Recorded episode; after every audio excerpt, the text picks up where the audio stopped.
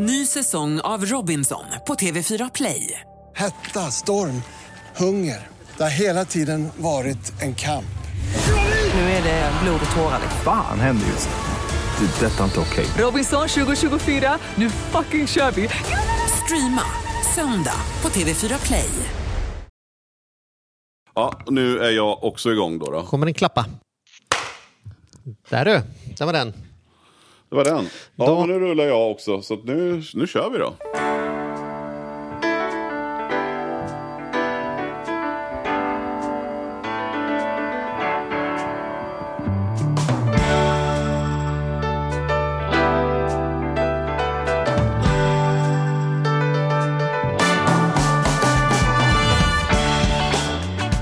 Hej och välkomna till Ekonomi på riktigt med Charlie och Mattias. Tjena. Hur är formen Charlie? Du, det är skitbra med mig. Jag är, är sugen på att få podda med dig. Det, det är ju ja, men det är som en liten oas detta. Att man får liksom mysa in sig och sitta och prata om någonting en timme eh, tillsammans med dig och sen all denna roliga respons vi får. Nu är det mer eller mindre i början avsnitt ett och två, då får man vara glad om det är någon som noterar att vi kör.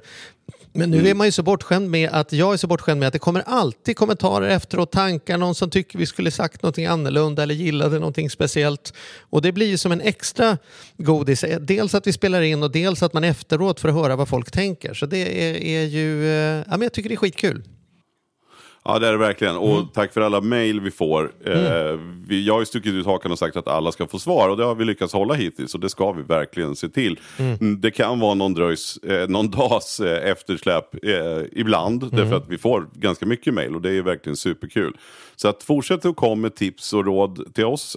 Kanske förslag på gäster och vad det nu kan vara. Vi tycker det är superskoj och hänga med er. Vi har ju också en Facebook-sida och vi har ett Instagram-konto. Eh, man kan söka på Charlie och Mattias på båda.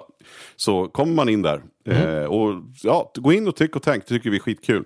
Och sen vill vi också passa på att tacka våran eminenta sponsor SaveLend. Eh, vad säger vi om dem Charlie? SaveLend är ju en alternativ sparform där man alltså förutom att vi tänker väl att människor har ett sparkonto och lite fonder och grejer men dessutom har möjlighet att eh, spara en del av sitt kapital eh, hos dem där man helt enkelt de lånas ut vidare. SaveLend. Man spar genom att finansiera lån. Eh, det är företagskrediter och det är eh, inkassoportföljer och det är eh, lite andra saker så att det kan man välja det man tycker passar bäst i ens profil där och sen får man en stadig och bra avkastning eh, som ett komplement till en kanske eh, stormande börsportfölj eller vad vi kan ha för någonting. Så att, eh, och vi har ett samarbete med dem som gör att man kan gå in och läsa på, ställa frågor till oss som vi tar upp med dem om det är någonting man undrar eller eh, ja, ja och vi är, jätte, vi är jätteglada och tacksamma att vi får hänga med dem. Ja men precis, och det är samma adress där då. Att man skickar, vill man skicka ett mejl så gör man det till charlie och mattias at gmail.com. Så är det. Hör du Mattias, vad händer resten av dagen då? Har du redan bestämt vad du ska käka till middag och grejer eller är det, eller är det liksom Ja, så är det. Du kommer ihåg, att, kommer du ihåg att, att när vi var nere hos er på middag för något år sedan så bjöd du på en rätt med matjessill, fänkål, potatis eh, och sen lite smält smör uppe på det där. Lite brynt smör som man rullar på. Eh, Just det. Och det som jag kommer ihåg att din son Hugo gick igång på något otroligt. Han satt nästan och svor vid matbordet där för han tyckte det var så gott. Ja, ja. Ja, och så enkelt och så oerhört gott. Eh, Mm. Ja, det är nästan som man skulle, jag ska nog lägga upp en bild, eh, banne mig, på den här rätten på våra sociala medier. Så ska ni få se på grejer. Mm. Men eh, så den blir idag. Och för att just sonen är på besök på middag ikväll. Så Mm. det, ska bli, det ska bli smarrigt. Kan du inte bara, istället för att bara lägga upp en bild, kan du inte lägga upp en sån liten, en liten video på hur man gör den? Så kan, man liksom, kan alla få prova hemma. Ja, men jag kan, ja, jag, jag, jag lägger i alla fall upp lite ingredienser och grejer. Ja, och ja. bild. Det, blir, det blir toppen. Jag vart jag sugen på det också. Andrea, du ska bjuda Ja. mig på överraskningsmiddag ikväll så jag har ingen aning om vad det blir eller vart jag ska. Jag kommer få en, S- en adress smsad till mig senare. Så att, eh, det kan bli matricill ikväll, kan bli någonting annat. Mm. Ja, snyggt. Men nu måste vi gå över till våran gäst. Vi har ju fått både tips från lyssnare om den, här, eh, den här verksamheten och vi är otroligt nyfikna på det. Och det ska bli väldigt roligt att få höra hur, hur man kommer på en sån här affärsidé helt enkelt. Så vi kör väl på bara rakt av. Välkomnar Jakob med en varm applåd.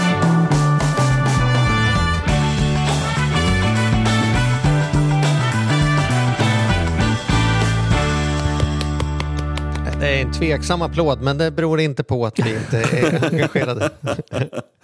Nej, vi är Ja, bara men jag två. känner mig välkommen ändå. Ja.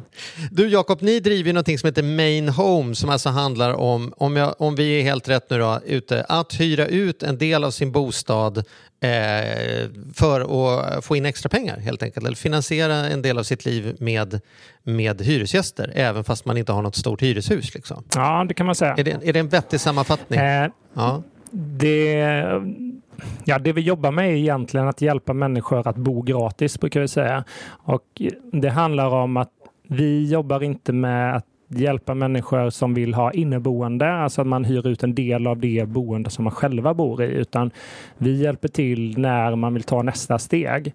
Att man kanske vill dela av huset eller bygga ut eller bygga något på tomten där man vill ha en separat uthyrning. Eller att man köper ett hus redan från början som har generationsboende eller liksom någon sån här, såna grejer va? Ja, absolut. Och, och där hjälper vi ju både till ifall, ifall man vill köpa ett eller ifall du, du kanske har byggt och utvecklat. Och många som gör det och får en första hyresintäkt, de ser ju att det är ganska nice. Det är pengar in utan att man behöver jobba jättemycket för det när de väl börjar ticka. Och då blir det väldigt lätt att man tänker att ah, men jag skapar en till. Och beroende på hur man gör det då så faller man in i näringsverksamhet, alltså att eh, bedriva ett riktigt hyr, hyreshus istället. Och det ska ju beskattas på ett helt annat sätt. Så då får vi även många kunder som hör av sig till oss när de inser att ah, vi har nog byggt lite fel eller byggt en extra lägenhet i vårt hus som gör att det blir näringsverksamhet istället. Då. Eh, Så då hjälper vi till att rätta det antingen rent skattemässigt eller vad de kan göra för att vrida tillbaka det till ett tvåfamiljshus istället. Men om vi börjar från början. Men då, då blir man ju nyfiken att höra, hur, hur kommer det sig, alltså du måste berätta lite grann om, om er bakgrund. Hur, hur, hur kommer man på en sån här affärsidé? Vad, vad, är, vad är din bakgrund? Berätta. Eh, ja, eh, min bakgrund är att ja, men jag är bondson. Eh, och, Eh, så jag är uppvuxen i en företagarfamilj, även om jag kanske inte såg mig som företagare från början. Sen så blev jag eh, officer, jobbade som militär i 17 år innan jag valde att sluta och bedriva det, eh, denna verksamheten istället. Då. Och, eh, Vad gjorde du som officer? Var, var, vart var du? Eh, ja, min titel i slutet var fanjunkare.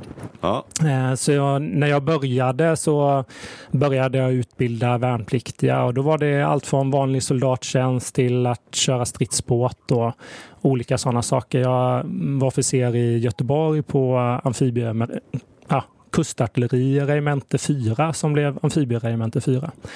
Eh, Men sen så ändrades det för då vid, en, vid ett försvarsbeslut så eh, skulle man lägga ner regementet och då så fick jag möjligheten att vara med och utveckla en helt ny enhet eh, som hette Marinens bordningsstyrka, eller heter Marinens bordningsstyrka.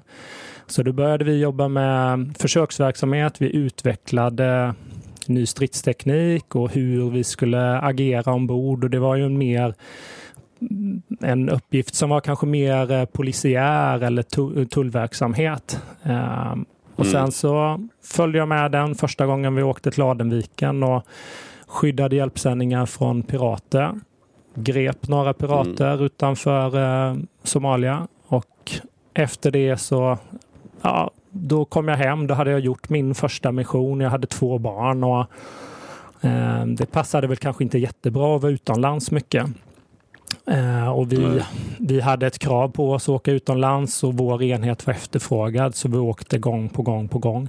Eh, vilket gjorde att jag fick möjligheten att bli logistikchef istället eh, på den mindre enheten i Göteborg. Så då jobbade jag med logistik och Ja, jag drivs utav utveckling. Jag såg väl att det fanns ganska mycket att förändra i marinens och försvarsmaktens logistik. Så jag var ganska drivande. Jag var fem, tio år yngre än alla andra som eh, jobbade med det jag gjorde eh, på chefsnivån. Eh, men fick ganska snart lite Ja, jag lob lobbade igenom en del saker som gjorde att vi började skapa förändring. Eh, så ja, det är väl min bakgrund inom Försvarsmakten och där, blir det ju, där fortsätter det sen mot nationellt och ubåtsjakt och andra delar. Och jag tycker det är jättehäftigt att se den utvecklingen som har skett på förbandet och i Försvarsmakten sedan dess. Då.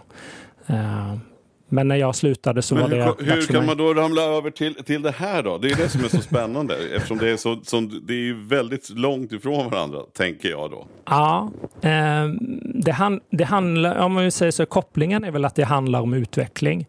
Eh, fast i det här fallet så är det en helt annan typ av utveckling. Och, eh, för att bli lite personlig då så ett par, eh, 2014 Eh, Eh, så träffade jag Isabelle, min fru. Och, eh, och även del, eh, delgrundare till Main Home. Då. Och två år tidigare så hade jag skilt mig och när jag och Isabelle träffas så, mm, så köper vi ett hus tillsammans redan efter fyra månader.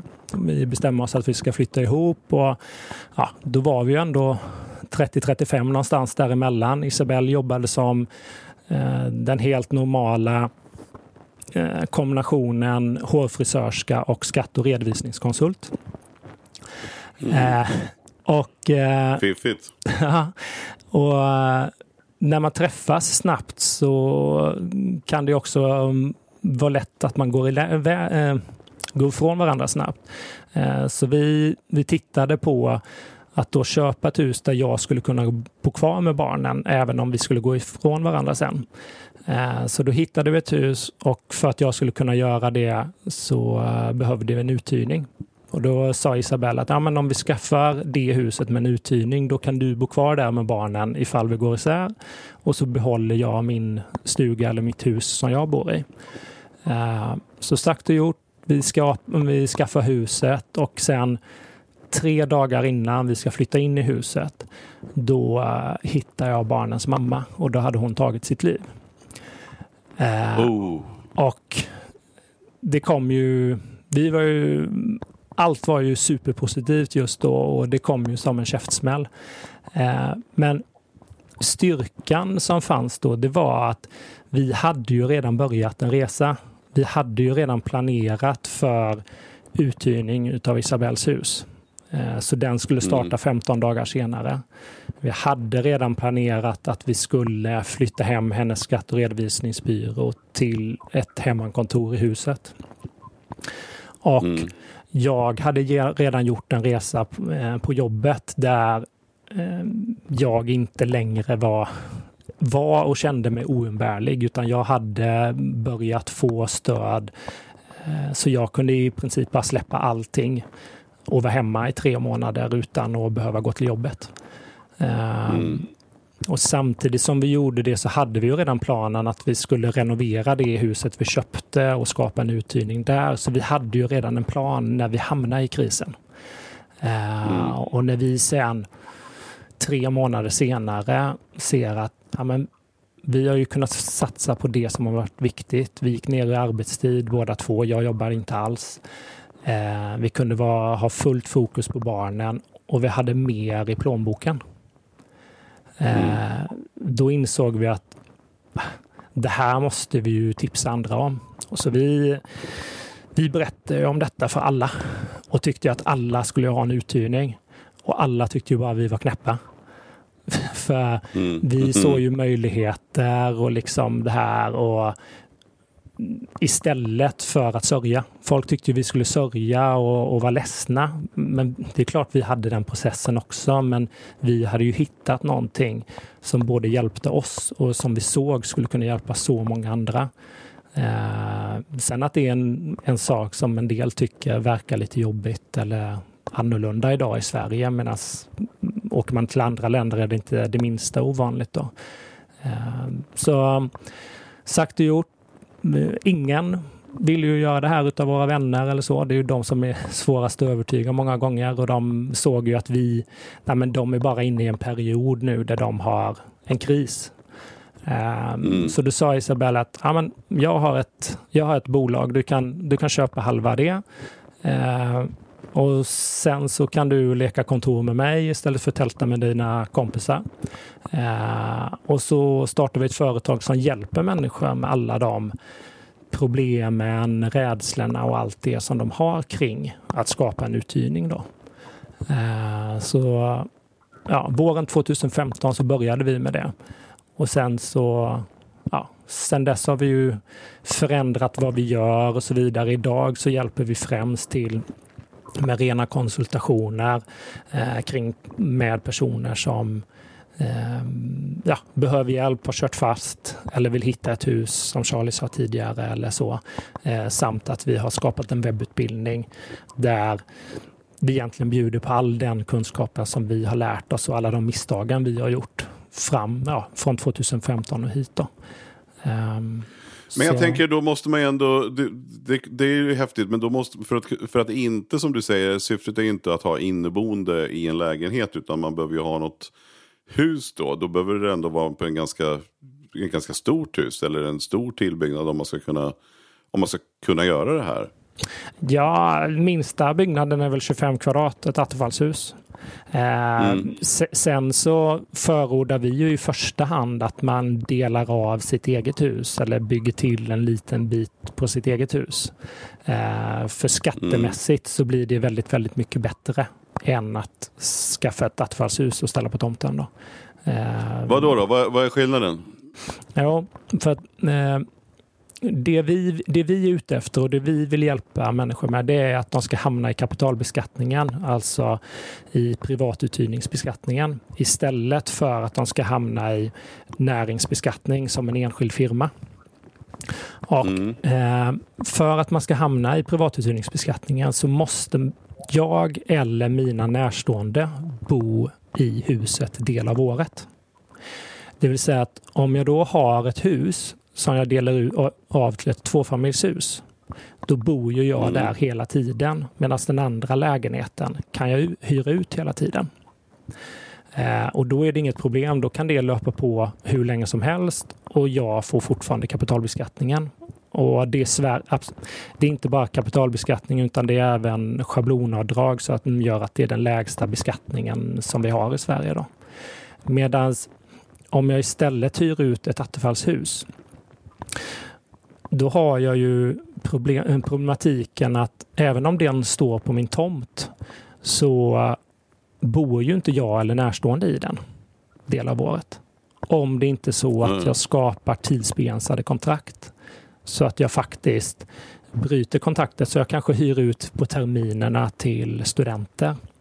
Eller mm. eh, jag lägger upp kontrakten på ett sätt så att de är 10 till 20 månader så att jag säkerställer att jag har lägenheten själv del utav detta året och nästkommande år. Um, ja, så det, det, är lite mm. trixande om man inte har det i sitt eget hus, men det, det, funkar det med. Sen hade det varit önskvärt att politikerna ändrade på de reglerna. För i så fall så skulle vi få bättre lönsamhet för de som hyrde ut. Vi hade fått ett bättre hyressituation för hyresgästerna och vi hade tagit bort en jättestor skattefälla. Mm. För detta är något väldigt många gör fel på. Då. Jo, men då tänker jag också så här att om man skulle göra det här helt i, i näringsverksamhet, det vill säga att om man, om man har ett aktiebolag och så låter man aktiebolaget bygga huset någonstans eh, och sen hyr ut eh, bitvis då, då är det väl ändå så att man får åka på förmånsvärde då själv eh, när man inte hyr ut det va? Ja, precis. Det, eh, den det har du ju det också. Så att, eh, skattereg skattereglerna skiljer sig ganska mycket. Alltså, jag kan ju välja att ha ett hus i ett aktiebolag. Bor jag i det, ja, men då ska jag förmånsbeskatta för det. Har jag ett hus i någon annanstans som jag hyr ut och jag helt plötsligt inte har en hyresgäst, ja, men då kan jag riskera att få um, förmånsbeskattningen. Eh, jag kan ha det i en enskild firma eller jag kan ha det privat. Så det finns ju flera olika varianter. Eh, men anledningen till att vi förespråkar då att, att ha den just i eh, privatuthyrning, det är att då får du inte... Dels så får du väldigt mycket avdrag eh, och en bra beskattning så det påverkar dig inte om du har Eh, hamnar i enskild firma som det absolut vanligaste. För de flesta köper privat och sen så börjar de hyra ut och om det då faller över i näringsverksamhet, då är det automatiskt som att beskatta i en enskild firma. Det vill säga att hela din hyresintäkt ska läggas ehm, ska läggas ovanpå den ordinarie lönen och sen så ska det en egenavgift och sen så hamnar beskattningen ovanpå din lön och de flesta som har råd eller gör det här, de ligger nära brytgränsen till statlig skatt. Så då hamnar ju hela hyresintäkten i, skatt, eh, i statlig skatt också. Och på det viset mm. så blir det väldigt mycket beskattning. Och, eh, man kan väl säga att på 100 000 kronor, om du har det i eh, om du hyr ut på ett sätt så du får 100 000 kronor i privatuthyrning, då behåller du 88 000 själv. Medan om mm. du är i kommer du i läget att du hamnar i statlig skatt så behåller du ungefär 24 000 själv. Nu är den mm. 24 000 tagen ur huvudet, men någonstans där ligger det. Så det blir enormt stor skillnad skattemässigt. Men, men då undrar jag också hur, för det måste väl vara skillnad på var man bor och hur mycket, eller så här enkelt. Hur, mycket, hur vet man hur mycket man kan ta betalt Får man ta betalt hur mycket som helst eller finns det någon, någon så här ockergräns att man inte får, får göra det? Eller eh, ja, finns det några tariffer liksom? Jag menar om jag nu har ett attefallshus och jag vill hyra ut det, hur, hur mycket ska jag ta betalt för det? Mm. Eh, ja, då finns det det finns en uträkning som man eh, ska göra för att räkna ut hyran. Eh, sen är kanske inte den helt genomtänkt eh, när man lagstiftade kring den och väldigt, eh, väldigt få håller sig till den. Men den är på det viset att du, du tar fastighetsvärdet som du har för den fastigheten du ska hyra ut eh, gånger eh, rikträntan, alltså statslåneräntan. Och när man skrev det här eh, då, eller, då hade man eh, använd, använde man sig utav 4 procent. Och då sa man någon procent, 2 procent över statslåneräntan. Så då använder man sig av 4 procent. Idag är ju statslåneräntan helt annorlunda. Eh, så det har ju förändrats. Mm. Efter det så får du lägga på den driftskostnad du har. Eh, och när du har tagit de här två summorna så tar du delat på 12 och då har du hyran. Eh, så man kan säga att hyran, normalt sett ligger hyran strax över, som du kan ta, strax över eh, vanliga hyresrätter. Eh, I alla fall i storstadsområdena. Sen så finns det ju väldigt många som tar en betydligt högre hyra. Eh, och ja, en del hävdar ju att det är marknadshyra där, men när kollar man lagtexten så är det inte. Men i lagtexten så har man även gjort på ett sätt som gör att eh, du kan egentligen inte förhindra någon att ta en för hög hyra. Jag, eh, jag är för att vi ska ha skäliga hyror. Eh, så, så vi hyr ut till en skälig penning och vi försöker rådge så många som möjligt att göra det också. Men eh, anledningen, till att, eh, anledningen till att det blir lite problematiskt är att man kan sätta väldigt höga hyror. Det är att eh, om jag har en riktig hyresfastighet och hyresgästen eh, säger att den får en oskälig hyra då anmäler den det mm. vid ett visst datum och så går man till hyresnämnden och så avgör man det här. Och är det så då att eh, hyresvärden i det fallet förlorar, då blir hyresvärden återbetalningsskyldig för det den har betalat för mycket under hela kontraktstiden tillbaka. Ja, Medan mm. i privatuthyrningen så är, blir, den bara, eh, blir den bara återbetalningsskyldig från det datumet som man har Eh, meddelat att hyresgästen tycker att eh, det är en för hög hyra. Eh, Okej, okay, men det är samma hyresnämnd man går till? Så att ja, säga. det är samma hyresnämnd. Mm. Sen så har mm. man, sen så anledningen till att detta aldrig sker då, det är att när man, när man hyr som privat, eh, från en privatuthyrare, då har man ett avsteg i hyresla, mot hyreslagen som gör att hyresgästen har ingen besittningsrätt. Det vill säga att den, eh, om hyresvärden vill att den ska flytta så måste den flytta. Sen har den fortfarande uppsägningstid. Men om jag som hyresvärd säger upp hyresgästen, då har hyresgästen tre månader på sig att flytta. Medan som hyresgästen säger upp sitt kontrakt, då har den bara en månads uppsägningstid. till skillnad från tre i den ordinarie hyreslagen. Och varför säger jag det här då? Jo, för att när du kombinerar de här två sakerna så blir det ju så att om någon skulle gå till hyresnämnden och anmäla att Jakob har satt en för hög hyra, då kommer den personen mm. att bli uppsagd med en gång. Så, så därav fungerar inte det systemet om man säger så.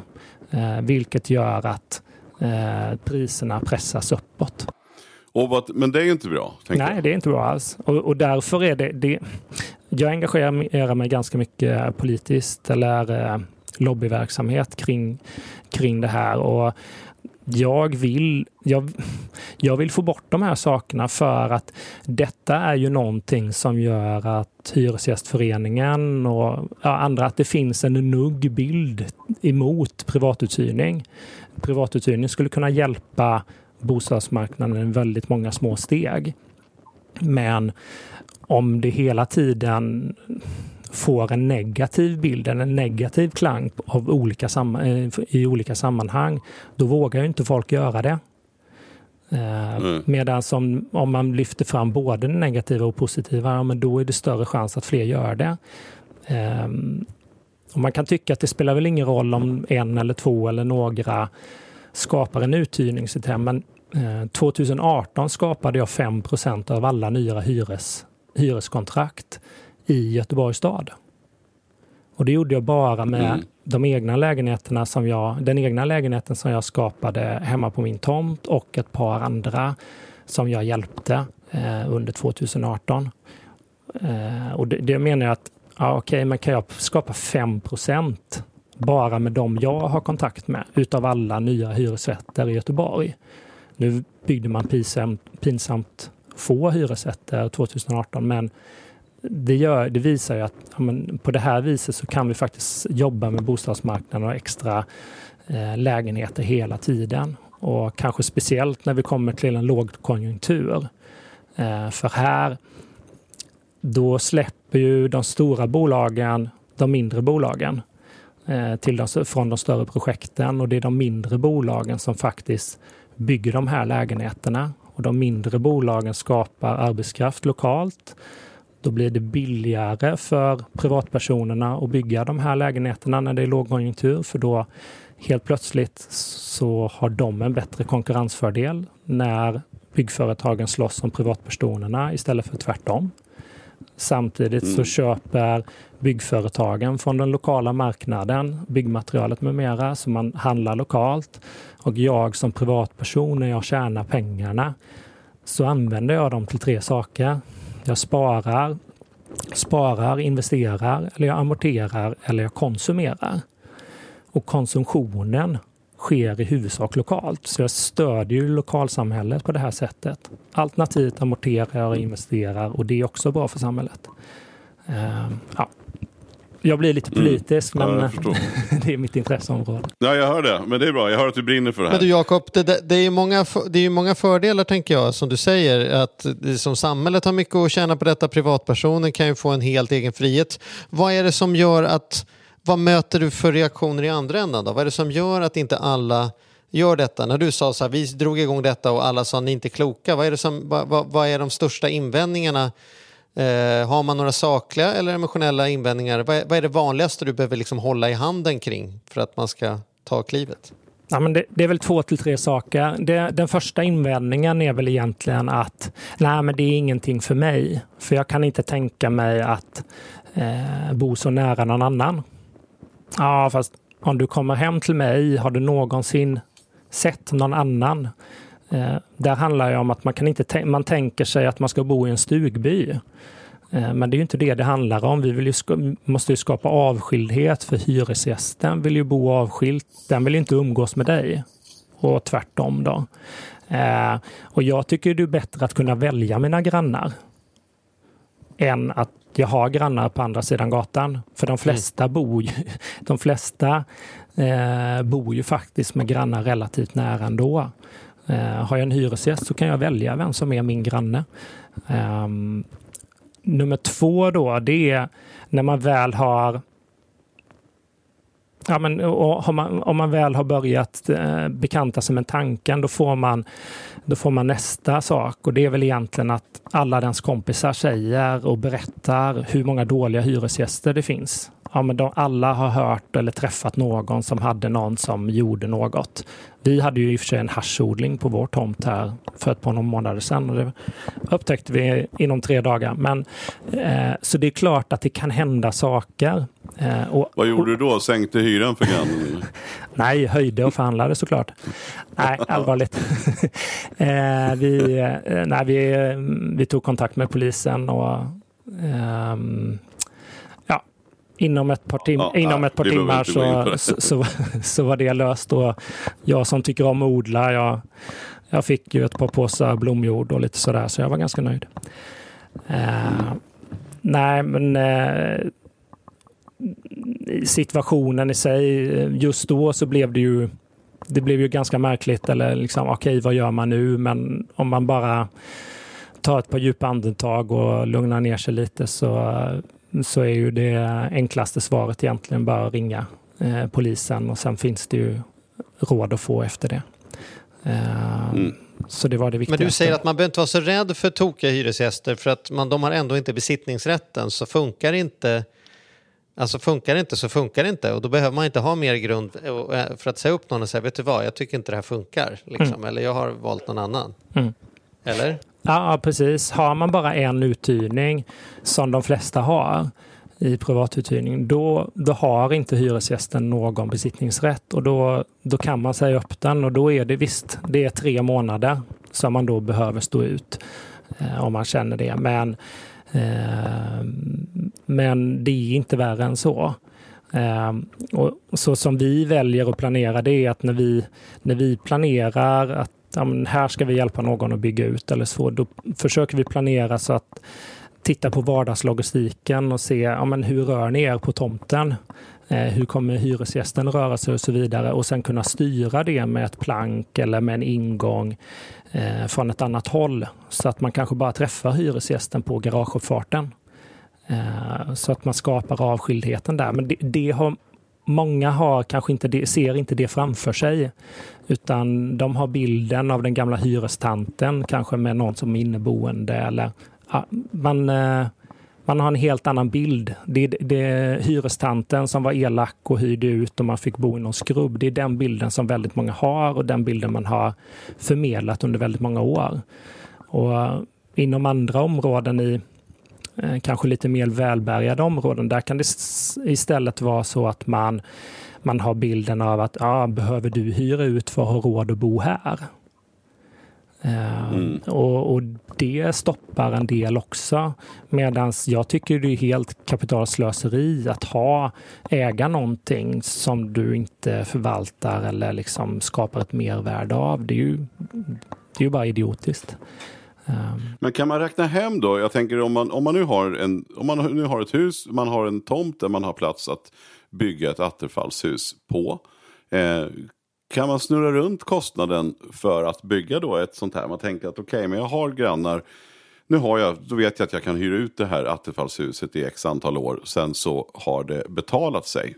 Mm. Liksom. Är det är det, är det rimligt? Ja, det, det, är klart jag kan sätta upp ett eget räkneexempel. Men jag bara sitter här och, och tänker högt. Liksom. Eh, för det är nog många som ändå funderar på att ja, men det vore väl rätt kul att bygga ett attefallshus eller ha ett gästhus.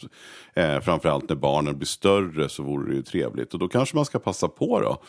Eh, och hyra ut det tills barnen blir större. Eller vad det nu kan handla om. Mm. Eh, ja, det kan du göra. Eh, om vi man kan ju räkna på två sätt. Antingen så kan du räkna på återbetalningstiden på den investeringen jag har gjort.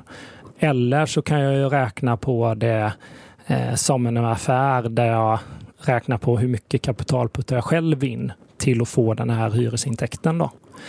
Eh, om, jag, mm. om, jag, om jag säger, jag brukar jag har en standardkalkyl och då brukar jag säga att eh, det, tar, eh, det kostar ungefär 800 000 att bygga en mindre lägenhet med uthyrning. Och då brukar jag räkna arbetskostnad 400 000 och materialkostnad 400 000. Eh, och sen när jag hyr ut den så hyr jag ut den med 5 000 i hyresintäkt. Mm. Om jag då gör det här, jag lånar till 75 procent med 2 procents ränta. Om jag, om jag har ett attfallshus på tomten, då får jag inget rotavdrag. Vilket gör att ja, då får jag ju betala en större del av den här kostnaden själv. Och då tar det ungefär 19 och ett halvt år att återbetala hela alltet. Det vill säga, är lite drygt 5 procents ränta. Eh, Mm. och efter att jag, samtidigt som jag betalar räntekostnader och skatt och sånt här. Då. Men jag är ju intresserad av vad får jag för avkastning på mitt egna kapital som jag puttat in. Och då är det 24 procents årlig avkastning istället. Eftersom du har lånat eh, merparten av pengarna. Mm. Medan om jag, istället är ett, om jag istället är ett par som bygger ut mitt, priva, mitt hus, så jag får ett tvåfamiljshus, då har jag på det egna kapitalet 70 procent avkastning på eget kapital per år med de här siffrorna. Då. Och ungefär 7 procent, eh, det vill säga 14,5 års återbetalningstid. Men då måste jag också tänka att det här är ju bara på kassaflödet. Jag har ju också en värdeökning i min fastighet i de flesta fall. Om jag bygger detta, bygger jag ett attefallshus på tomten eller en extra lägenhet med en separat ingång i mitt hus i Göteborg eller Stockholmsregionen så kommer jag ju få en värdeökning som of, väldigt ofta är mer än 800 000 för att jag gjorde det. Om Ja, jag när så jag väl säljer. man kan räkna hem det redan direkt egentligen. Ja. Om man skulle kunna se det så. Ja. Absolut. Så, så det är egentligen... Om, brukar- om man nu är... Just det, men då tänker jag, om man nu är lite om sig och kring sig, om man, om, man ändå, om man gillar att hålla på och man är lite kunnig eller man tycker det är kul att googla och sådär så, så är det väl då lite tips eh, att man helt enkelt googlar, antar jag, hos Boverket, Skattemyndigheten, alltså försöker ta reda på vad som gäller mer exakt. Om man nu inte vill köpa en konsultation av dig såklart. Men eh, rent, rent krasst så, så finns det väl ganska bra information på de här olika sajterna ändå, hur man ska gå tillväga. Ja, det tycker jag. Ehm, jag brukar använda, eller jag rekommenderar att man använder sin egen kommuns hemsida eh, för, och även Boverkets hemsida. Boverket berättar ju om eh, de olika kraven på byggnationen. Ehm, men det är ju kommunen som sen ja, det är kommunen som sen beviljar bygganmälan eller bygglov och det är de som håller i processen för byggande och så vidare.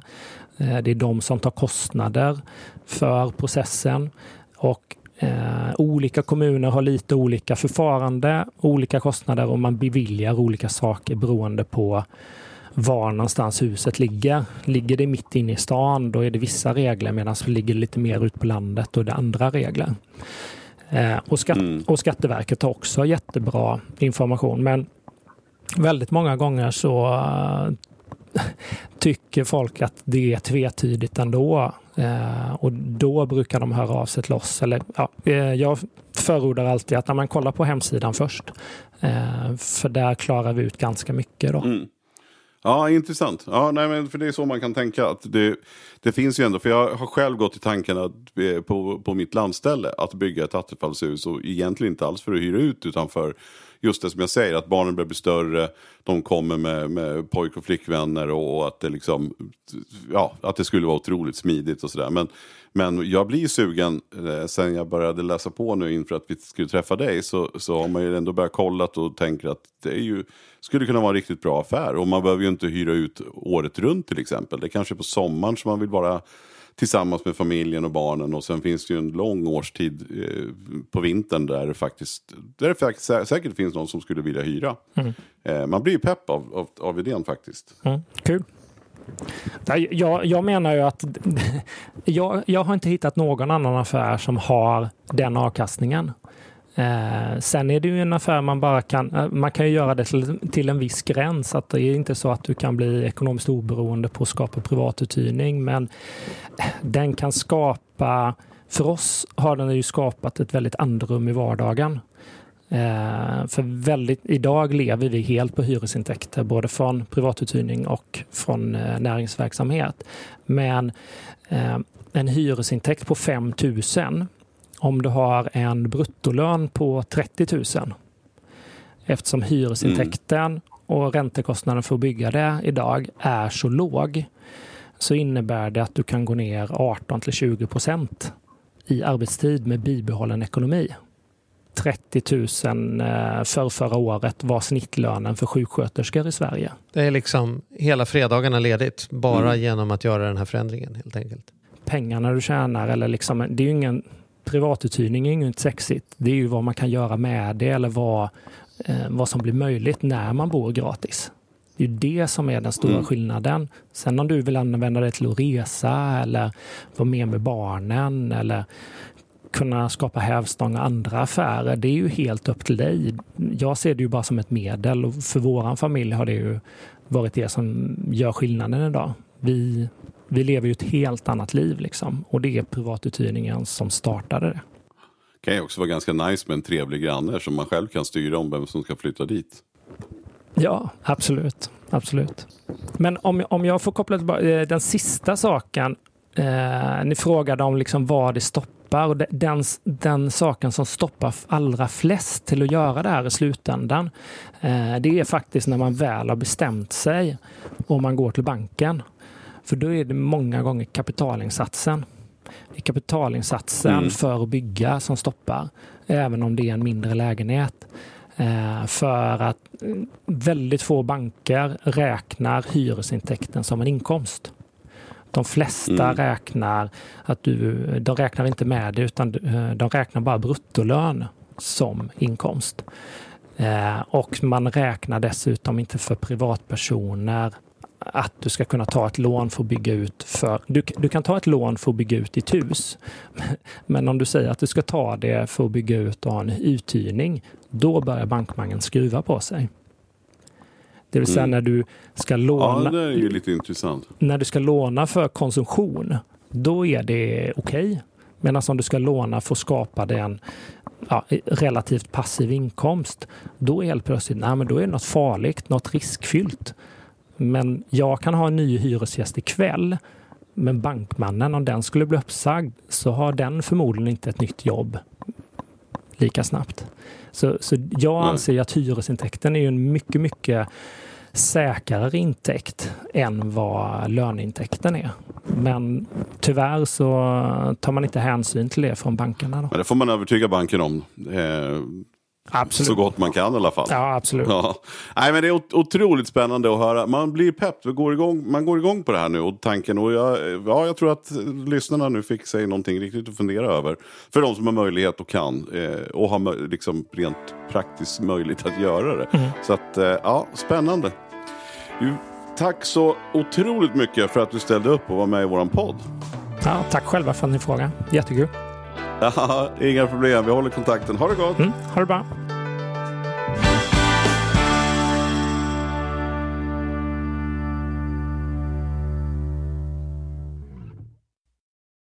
Ny säsong av Robinson på TV4 Play. Hetta, storm, hunger. Det har hela tiden varit en kamp.